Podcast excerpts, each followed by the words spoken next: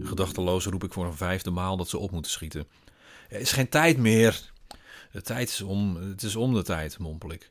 Toch aarzel ik om de deur van de haak te halen. Ik besef dat ik die zeven jaar geleden liet vervangen voor een driepuntsluiting en ik laat de deur los. Er is geen haak. Een natte handafdruk op het kunststof. Mijn handen jeuken van het zweet, ondanks de kou. Uitslag met van die rode bultjes aan de binnenkant van mijn pols. Ze staan achter me, alle twee met hun jassen aan en mutsen al op. En al een tijdje zie ik aan de gezichten. Wat is er, papa? vraagt mijn dochter. Ik zeg niets en draai de sleutel om. Kan het niet uitleggen. Er is niets. Er is juist weinig meer. Ze rennen langs me heen, de straat op, de wind in. Hun rugzakjes slepen ze achter zich aan. En kijk of het goed gaat. En kijk naar de lucht. Maar die is leeg. Er was een vliegtuigramp gisteren. De gevolgen zijn vreselijk, dat hoeft nooit uitgelegd te worden. Het is vreselijk omdat het dat altijd is. De geschiedenis leert ons dat, ongeacht of het in binnen- of buitenland is. Die beelden staan op het netvlies gegrift. Een ramp die voorkomen had kunnen worden. Een groot vliegtuig met hoge vaart midden in het land. Een toestel waarvan iedereen al jaren zei dat het gerepareerd moest worden. Maar dat kon nog met de juiste onderdelen, de juiste inzet en mensen. En er was een handleiding, maar het toestel moest neer. We zijn wakker geworden in een nieuwe realiteit, zei de mevrouw vanochtend op tv. Ze was nog maar net het nieuwe hoofd van de organisatie die de laatste dertien jaar verantwoordelijk was voor het beheer van het luchtruim. Maar nu niet meer.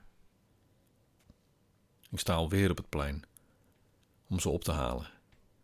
De ochtend was een waas, net als de avond en nacht ervoor. Mijn hele lichaam voelt als na een tandartsverdoving. Straks vraagt iemand hoe het gaat. Slecht, wil ik dan zeggen. Nog onder de indruk, verbijsterd, verslagen. Dat voelen heel veel mensen, las ik. Maar ik vermijd oogcontact met de andere schoolpleinouders. Durf mijn verdriet niet te laten zien. Want er zijn er nog meer die blij zijn, omdat het toestel op de juiste mensen terecht is gekomen. Het bordje hangt er nog. Stemlokaal. Met een pijl. Maar nu, de dag erna, wijst hij voor iedereen de verkeerde kant op. Want er was geen vliegtuigramp. Alleen in mijn maag.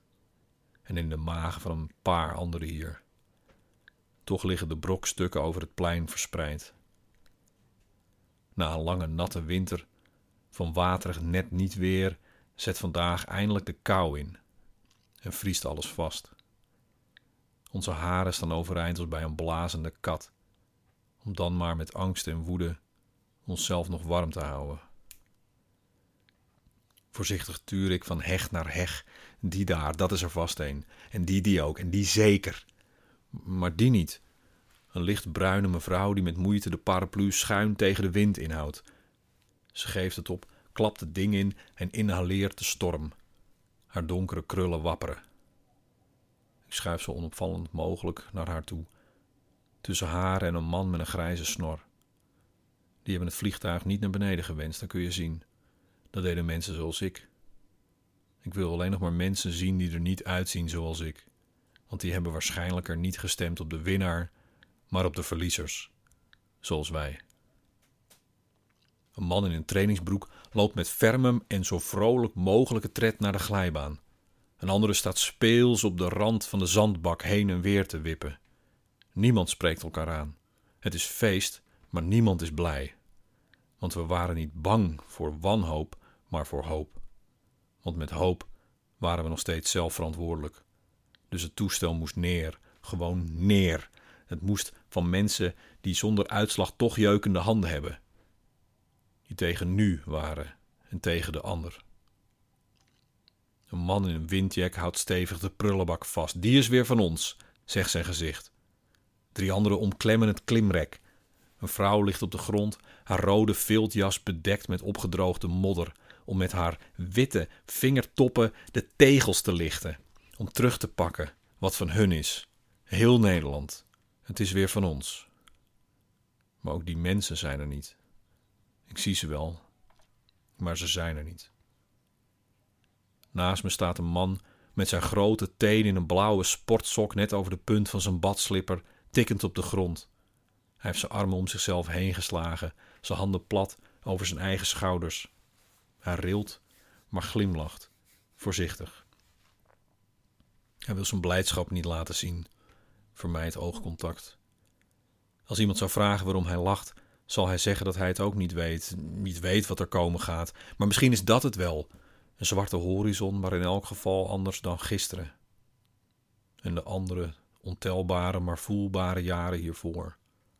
En dat is goed nieuws, toch? Hij denkt van wel. Maar hij weet ook dat er mensen zijn die zich vandaag voelen alsof er een vliegtuigramp is geweest. Hij merkt dat ik hem aankijk, terwijl ik zijn gedachten bedenk.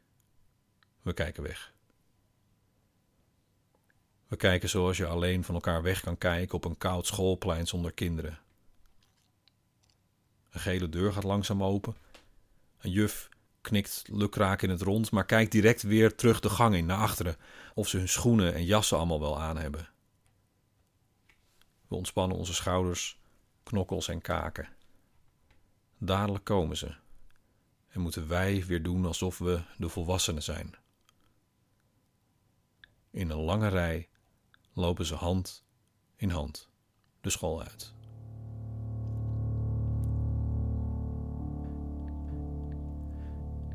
En dat was Uitslag, waar we allemaal wel eens last van hebben. Een verhaal in de reeks Zeg maar Bram, gemaakt in samenwerking met doorklink.nl. En hopelijk vond je het troostrijk of verwarrend, dat is ook heel ontspannend. Of misschien ben je nu woedend en stem je volgende keer met 2 miljoen anderen tegen het voortbestaan van deze verhalenreeks. Dat zou op zich een eer zijn. Maar je mag nu ook al je stem laten horen door een beoordeling te geven in deze streaming-app of door iets tegen me te roepen in de socials die je kan vinden in de show notes. Tot de volgende keer. Tot een volgend verhaal.